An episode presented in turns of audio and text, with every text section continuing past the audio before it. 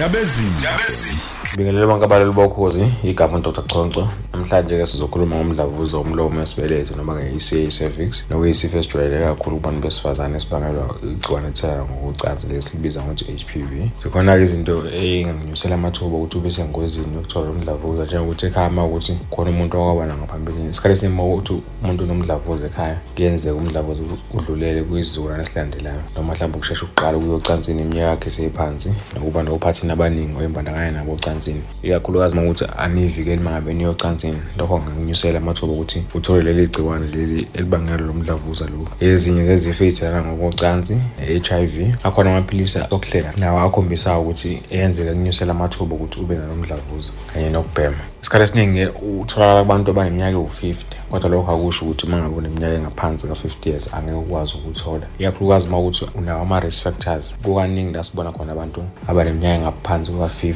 beba nawo lo mdlavuza uma ngabe kusa-early kakhulu kuma-stages alo mdlavuza kuyenzeka umuntu angabe nazo iy'mpawu kodwa ngokuhamba kwesikhathi uma ukuthi umdlavuza usukhona isikhathi esiningi iy'mpawu ojwayele ukuy'veza ngazo ukopha kuya ngokuthi-ke usaya yini esikhathini. Kubantu abaningi uma ukuthi umuntu usaya esikhathini uma ngabe esesikhathini ngaleso sikhathi kuyenzeka ophe kakhulu indlela asuke ejwayele ukopha ngayo uma ukuthi mhlawumbe useqalo lo mdlavuza. Noma uma ngabe ukuthi usuwaphuma esikhathini isikhathi esiningi akuvamisile ukuthi uma ngabe usuwaphuma esikhathini wophe so uma ukuthi mhlawumbe uyopha usuwavale ukuya esikhathini kungenzeka futhi kube ukuthi mhlawumbe usuqala iwo lo mdlavuza lo. Noma mhlawumbe wophe uma ngabe uqeda ukuyembandakanya ocansini. Ezinye zezinto mhlawumbe njenge-discharge kuyenzeka kube ne-discharge enephunga elibi noma kube buhlungu laphana esinyini uma ukuthi umdlavuza vele usukhona kuyenzeka ube nempawu ehambisana nomdlavuza lezi ey'jwayelekile njengokungakuthandi ukudla ukwehla emzimbeni kanye nokukhathala. Kuyenzeka futhi kube nesilonda lapha ngaphansi. Uma ukuthi umdlavuza mhlawumbe ama-stages akhona asaphezulu kuyenzeka futhi kube khona isilonda laphana ngaphansi. So into ebalulekile uma ngabe uney'mpawu lezi zalo mdlavuza noma mhlawumbe ey'solisayo ukuthi kungenzeka kube ukuthi unalo mdlavuza noma mhlawumbe unama-risk factors akhona. Into esayisiyenza ukwenza i-pap smear yoku-check ukuthi akhona yini ama-changes noma ushintsho olukhona laphana emlomeni wesibeletho. Ngoba before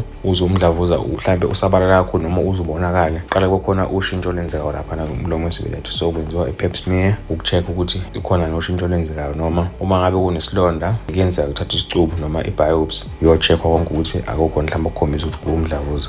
Kuya ngokuthi-ke kukhombisa ini. Uma ngabe esenza i-pap smear i-pap smear ukuthi ayinankinga noma i-right ayikhombisi lutho. I-normal awekho ama-changes ewakhombisayo iyayiphinde mhlawumbe emva kwesikhathi uma ukuthi umuntu mhlawumbe une-h i v kuyenzeka iphinde emva kweminyaka emithathu kodwa uma ukuthi awunayo i-h i v kuyenzeka futhi iphinde after iminyaka ewu-ten kodwa-ke uma ukuthi mhlawumbe i-pap smear ikhombisa ukuthi akhona ama-changes asekhona laphana emlomeni wesibeletho mhlawumbe ngokuhamba kwesikhathi angase ebe umdlavuza. Khona into esiyayisiyenza ibizwa kuthiwa i-colposcope la khona suke kubukwa khona laphana umlomo wesibeletho under i-microscope ukubheka ukuthi akhona nama-changes akhona lapha. Uma ngabe ayikhona ama-changes akhona akhombisa ukuthi mhlawumbe ngokuhamba kwesikhathi ngenzeka ebe umdlavuza. Kubalulekile ukuthi asikwe lawo ma-changes lawa akhona uma ukuthi mhlawumbe khona isilonda esikhona esincane kuyenzeka ukuthi sikwe ukuze singazi mhlawumbe siqhubekele phambili sube umdlavuza. Bese ngokuhamba kwesikhathi phinde futhi uphinde i-pap smear ukubheka ukuthi after sekwasikwa laphana akukhona mhlawumbe okwasala noma amanye ama-changes akhona. Uma ukuthi-ke umdlavuza usukhona kuya ngokuthi u-stage ba kwenziwa ama-test ukubheka ukuthi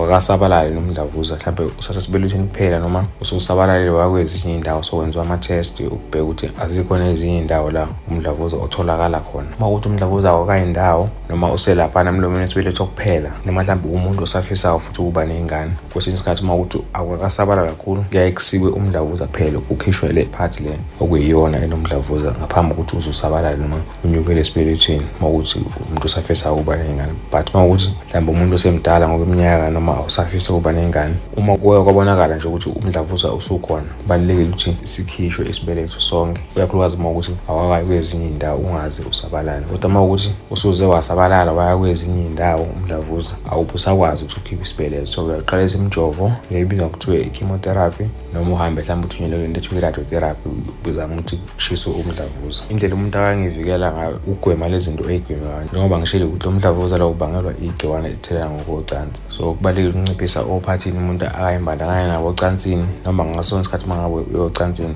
uzame ukuthi uyivikele ikhona nemijovo noma i-vaccine esetshenziswayo ikakhulukazi ey'nganeni zesikole. Nine to fourteen years ikhona i-vaccine enikezwayo ey'nganeni zesikole kodwa noma engabikho mhlawumbe iy'bhedlela zakahulumeni kodwa ikhona i-vaccine e-available egwema ukuthi mhlawumbe uzame ukuyivikela ukuthi ube naleli gciwane leli. Ngiyabonga. Ey'nkundleni zokuxhumana ngitholakala kufacebook sifiso conco ndabezini.